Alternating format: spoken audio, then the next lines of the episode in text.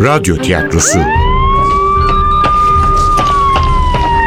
Başkomiser Nevzat'ın maceraları başlıyor.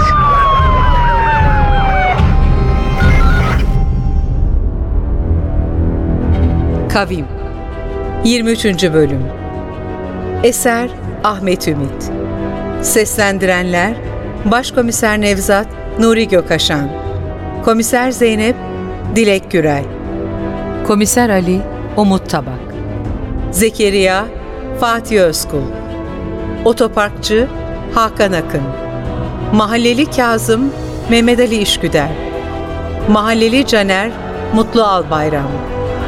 Üçüncü Mahalleli Mustafa Oral Efektör Cengiz Saral. Ses Teknisyeni Hamdullah Süren. Yönetmen Cemile Yaltır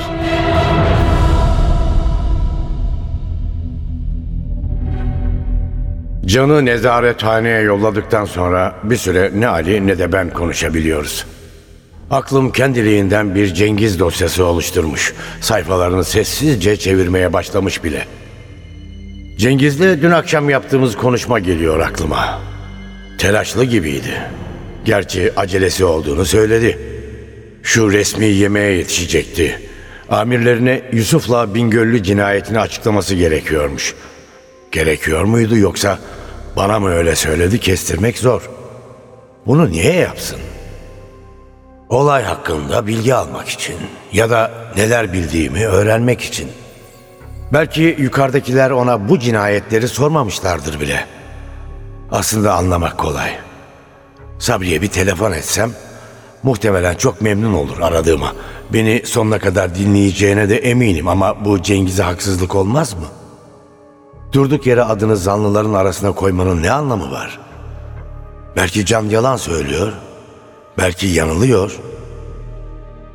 Belleğim güçlü diyor ama bir anlığına gördüğü biriyle yeniden karşılaştığında onun aynı kişi olduğundan nasıl bu kadar emin olabilir? Söyledikleri çok tutarlı değil. Üstelik Can'ı tanımıyoruz bile. Tanımadığımız birinin sözlerine dayanarak sevdiğimiz, güvendiğimiz müdürümüzden şüphelenmek doğru mu? Ama ya Can yanılmıyorsa, ya söyledikleri gerçekse? Hayır, müdürümüze iftira atıyor deyip onun söylediklerini kulak arkası etmek de olmaz. Sağlam bir araştırma yapmamız gerekiyor. Umarım Can haksız çıkar. Umarım Cengiz'i suçlamak zorunda kalmam. Ama eğer bunu yapmak zorunda kalacaksam, elimde Can'ın sözlerinden fazlası olmalı. En azından şu üç sorunun yanıtını bulmuş olmalıyım. İlki, sahte Yusuf'un emniyetten aradığı adam kimdi? İkincisi, sahte Yusuf gerçekten kim ve kimliğini aldığı çobana ne oldu? Üçüncüsü, Cengiz'le Malik tanışıyorlar mıydı? Ali, şu patos makinesinde ölen Yavuz komiser, o konuyu araştırabildin mi sen? Fırsat olmadı başkomiserim. Gabriel'i yolladıktan sonra Malik cinayetini haber aldık. Apar topar buraya geldik. Hem biliyorsunuz Nusret başkomiserimle yarın görüşeceğiz. Ama yarın çok geç olabilir Ali. Bu Yavuz komiser dosyası önemli. Emniyete dönünce senin hemen bu işle ilgilenmeni istiyorum. Bu gece mi? Bu gece. Şu andan itibaren zamana karşı yarışıyoruz. Bilgisayara mı girersin, emniyet arşivine mi inersin, ne yap et, sabaha kadar bana bir sonuç getir Ali. Kusura bakmayın ama başkomiserim Yavuz komiser dosyası neden bu kadar önemli? Olayları şöyle bir gözden geçirecek olursak Ali, cinayetlerin merkezinde şu Diyatas Saron adındaki çalınan kitabın olduğunu görürüz. Gabriel'in anlattıklarını duydun. Teyze oğlu Aziz ve Yavuz komisere verdiği paket büyük ihtimalle Diyates Saron'du. Eğer bu doğruysa o kitaba kim dokunduysa öldürüldü. Gabriel'in teyzesinin oğlu Aziz, komiser Yavuz, sahte Yusuf ve antikacı Malik. Belki de o kitabın içinde bir şey var. O kitabın içinde bir şey yok Ali'cim. Hangi kitap insanı mağarada boğabilir, patos makinesine atabilir, kalbine iki kere bıçak saplayabilir ya da kafasını bir kılıçla koparabilir? Diyates Saron sadece dört İncil'den alınan parçalardan oluşturulmuş bir kitap. O kitabın içinde bir şey yok ama şu da bir gerçek ki cinayetler o kitabın çevresinde dolanıyor. O yüzden kitabı Aziz'den alan ilk kişiyi yani komiser Yavuz'u bulmamız şart. Tamam başkomiserim. Hiç merak etmeyin. Emniyete gider gitmez bu işle ilgileneceğim. Birkaç saat içinde raporumu veririm. Göreyim seni Ali. Bir an önce çözelim şu işi. İsterseniz önce başkomiser Nusret'e uğrayayım. Gerçi yarın gelin dedi ama. Nusret'i boş ver. Sen doğru merkeze git. Hemen araştırmaya başla. Can ne olacak? Senin vaktin yok. Buradakiler ilgilensinler. Önce bir hastaneye götürsünler. Doktorlar bir baksın sonra merkeze getirsinler. Gözün onun üzerinde olsun. Başına bir şey gelmesini istemiyorum. Emredersiniz. Ne dersiniz başkomiserim? Sizce Cengiz müdürüm... Erken Ali'cim. Konuşmak için çok erken. Senden ricam bu soruşturmayı olabildiğince gizli yürütmen. Tamam mı? Cengiz müdürümüzün masum olduğunu kanıtlamak için de gerçeği öğrenmek için de gizliliğe ihtiyacımız var. Anlıyorsun değil mi? Anlıyorum başkomiserim. Hadi o zaman iş başına. Ali içerideki polislerle konuşmaya giderken ben veda bile etmeden ayrılıyorum karakoldan. Mali'nin evine yürürken Zeynep'i arıyorum. Tam altıncı çalışında açılıyor telefon. Kusura bakmayın başkomiserim. Kan örnekleri alıyordum. Önemli değil Zeynep'ciğim. Mali'nin oğlu Zekeriya geldi mi? Geldi başkomiserim. Sizi bekliyorum. Durumu nasıl? Pek iyi değil ama daha kötü olabilirdi. Allah'tan o gelmeden önce cesedi morga yollamıştık. Babasını o halde görmedi. Güzel. Sakın gitmesine izin verme. Hı hı. Vermem başkomiserim. Zaten zavallının kıpırdayacak hali de yok. Çöktüğü iskemlede öylece kaldı. Ben de geliyorum. 10 dakikaya kalmaz oradayım. Ama hemen gitmiyorum. Önce uğramam gereken iki yer var. İlki otopark. Can Mali'nin evine giren adamın otopark yönünden geldiğini söyledi. Eğer adamın arabası varsa otoparka bırakmış olmalı. Çünkü bu mahallede araba bırakacak yer bulmak imkansız. Aslına bakarsanız arabamı almaya gittiğimde kafamdaki soruları giderebilirim. Fakat merakım beni sabırsız kılıyor. Olanı biteni bir an önce öğrenmek istiyorum. Otoparka bakan sağ eli bilekten kesik adam küçük kulübede oturmuş televizyondaki pembe dizilerden birini izliyor. Kendine o kadar kaptırmış ki geldiğimi fark etmiyor bile. Merhaba. Arabanızı mı alacaksınız? Yok bir şey soracağım sadece. Bu öğleden sonra buraya füme rengi marka bir araba geldi mi? Niye soruyorsun? Başkomiser Nevzat. Nereye gittiğini söyle. Şimdi uzatma da sorma cevap ver hadi. Kusura bakmayın başkomiserim. Bilemedim. Tahmin edebileceğiniz gibi füme rengi araba bizim Cengiz'in arabası. Plakasını hatırlayamadığım için söyleyemiyorum ama otoparkçı hatırlıyor. Otoparka gelen bütün otomobillerin plakalarını hatırlarmış. 34 ASZ 214. Evet başkomiserim. O araba bize geldi. Söylediğiniz gibi. Öğleden sonra. İki saat kadar kaldı. Sonra adam gelip aldı arabasını.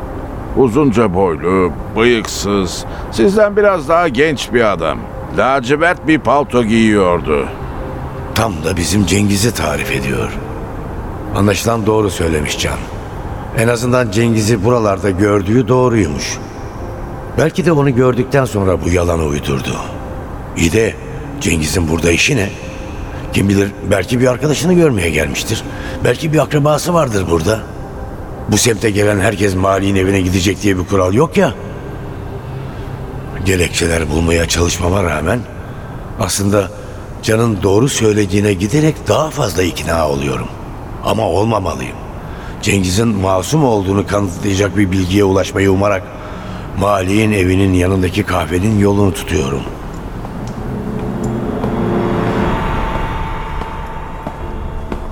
Sokak tenhalaşmış. Sanki kalabalık bir anda eriyip yok olmuş.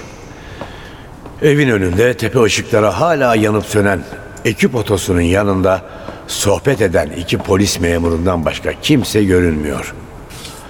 Kahvaneye girince anlıyorum insanların nereye gittiğini. Sokaktakiler buraya doluşmuş. Artık bağıra çağıra konuşmuyorlar. Biraz sakinleşmişler. Ama bazı masalarda cinayet üzerine muhabbet hala sürüyor. Yanlarından geçerken işitiyorum. Biri diyor ki Yakalanan şahıs Türk değildi. Görmediniz mi abi? Sapsarı. Ben size söyleyeyim. Misyoner faaliyeti var bu işin içinde. Ne misyoner faaliyeti Kazım abi. Adamda tam hırsız tipi var. Yüzü kız gibi. Kimse şüphelenmez oğlandan.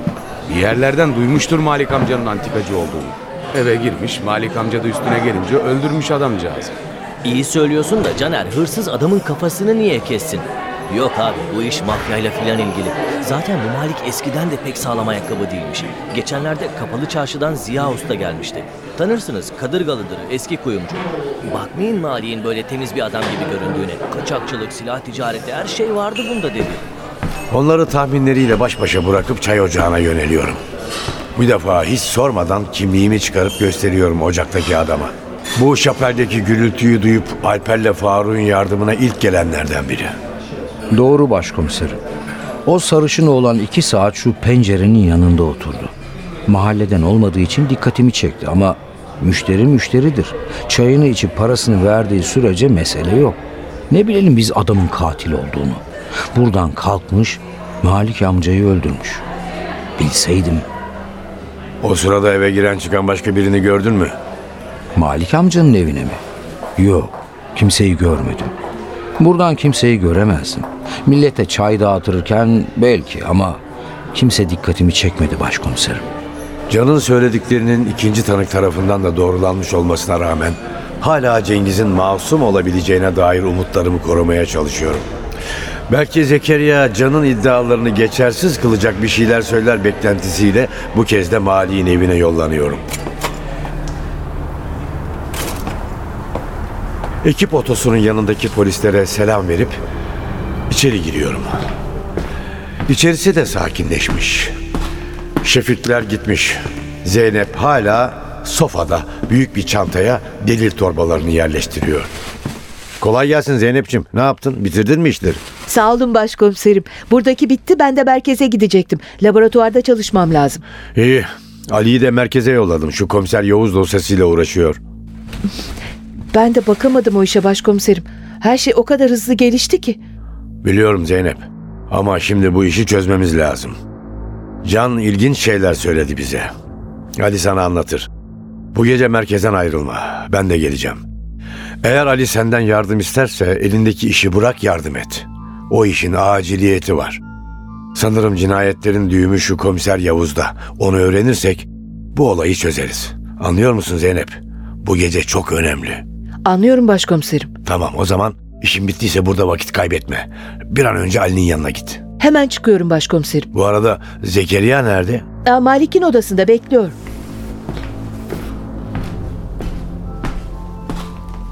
Zekeriya bu sabah babasının oturduğu iskemleye öylece çökmüş, yıkılmış bir halde oturuyor. Yüzünde derin bir keder, şaşkınlık ve korku. İçeri girdiğimi fark edince ne ayağa kalkmaya çalışıyor ne de kıpırdayabiliyor. Babasınınkilere benzeyen gözleriyle yardım dilenircesine bakıyor sadece. Başın sağ olsun Zekeriya. Siz sağ olun. Nasıl oldu başkomiserim bu iş böyle? Daha bu sabah siz... Evet Zekeriya, daha bu sabah konuştuk. Bana hiçbir tehlikeden filan söz etmedi. Bilseydik onu korurduk. Tehlike içinde değildi ki başkomiserim. Düşmanı yoktu. Yani biz öyle biliyorduk. Bir zanlı yakalanmış diye duydum. Evet, biri var.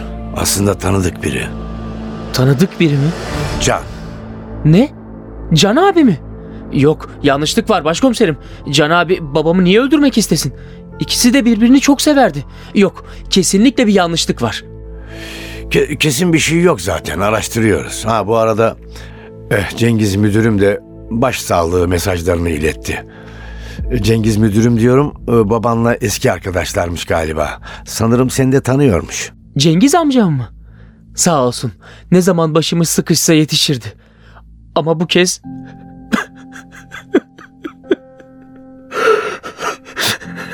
Kusura bakmayın başkomiserim.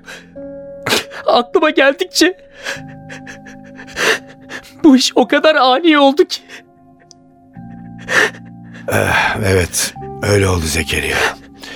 Şimdi bu işi yapanı yakalama zamanı. O katilin yaptığı yanına kar kalmamalı. Cengiz müdürüm de öyle söyledi. Katil yedi kat yerin dibine de girse onu bulacağız. Sahi baban bizim müdürle oldukça eski arkadaşmış değil mi? Eski. Çok eski. Babam Cengiz amcayı tanıdığında daha ben doğmamışım. Yani o kadar eski. Galiba polis bile değilmiş Cengiz amca o zamanlar. İlginç. Nerede tanışmışlar acaba? Bizim dükkana gelip gidermiş. Babamla birlikte iş yapmışlar galiba. Sonra Cengiz amca okumaya gitmiş. Polis olmuş. Anadolu'da görev yapmış. İstanbul'a dönünce de babamı bulmuş yine. Çok iyi adamdır Cengiz amca. Başımıza bir iş gelecek olsa ilk o koşar yardımımıza. E peki Yusuf'u tanır mıydı Cengiz? Yani dükkana birlikte geldikleri oldu mu hiç? Niye soruyorsunuz başkomiserim? Yusuf abiyle Cengiz amcanın ne ilişkisi olabilir ki? Ya, ya canım öylesine sordum ben. Yusuf da babanın eski arkadaşıymış ya. Belki de birbirlerini tanıyorlardır diye. Yok. Cengiz amcanın Yusuf'u tanıdığını sanmam. İkisi çok farklı insanlar. Cengiz amca namuslu bir adam.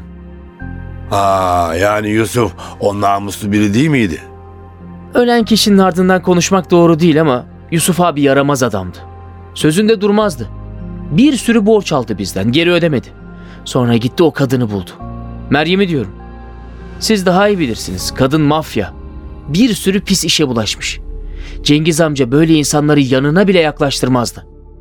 Peki sence babanı öldürenlerin bu Yusuf'la bağlantısı olabilir mi? Kimsenin günahını almak istemem başkomiserim ama Meryem denen o kadından her şey beklenir. Aramızda zaten bir anlaşmazlık vardı. Yusuf abi bize bir kitap satmak istiyordu. İncil gibi bir şey. Hatta gerçek mi sahte mi diye Can abiye danıştık. O emin olamadı. Babam da almaktan vazgeçti. Demek Malik olup biteni oğluna anlatmamış. E kolay değil. Yusuf'a gönderdiği 100 bin doları nasıl açıklayacak? E, Zekeriya kıyameti koparırdı herhalde. Ben de o kitabı istemiyordum zaten. Meryem bu meseleyle ilgili birkaç kez babamı telefon etti. Galiba biraz da sert konuştu. Babam bana anlatmasa da kadınla konuşurken sinirlenmesinden anladım. Baban sana niye anlatmıyordu ki? Beni bu işlere bulaştırmak istemiyordu başkomiserim. Eskiden bazı pis işleri olmuş. Belki siz de bilirsiniz.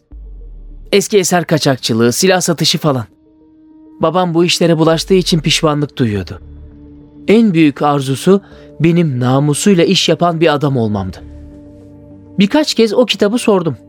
Biz o meseleyi hallettik dedi. Ama ben inanmadım.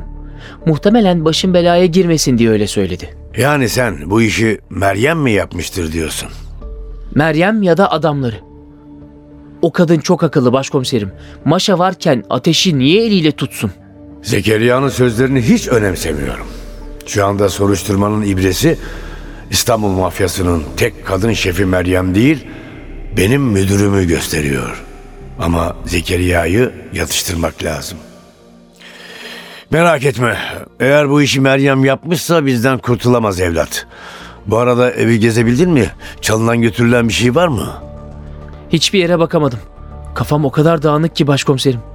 Şu anda sırtımdan ceketimi çalsalar fark etmeyebilirim. Bir kendimi toparlayayım da. Nasıl toparlayacaksam onu da bilmiyorum ya. O zaman eşyayı kontrol ederim. Tamam. Dikkatini çeken bir şey olursa bana haber ver. Cengiz müdürüm çok meşgul. Ama sen merak etme. Onun yerine ben ilgileniyorum bu olayla. Kavim Eser Ahmet Ümit Seslendirenler Başkomiser Nevzat Nuri Gökaşan Komiser Zeynep Dilek Gürel Komiser Ali Umut Tabak Zekeriya Fatih Özkul. Otoparkçı Hakan Akın. Mahalleli Kazım Mehmet Ali İşgüder. Mahalleli Caner Mutlu Albayram. Üçüncü Mahalleli Mustafa Oral. Efektör Cengiz Saral. Ses Teknisyeni Hamdullah Süren. Yönetmen Cemile Yaltır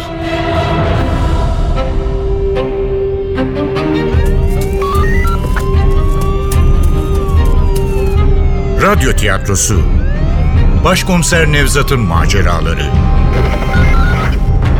Başkomiser Nevzat'ın maceraları her cumartesi 11.15'te NTV Radyo'da.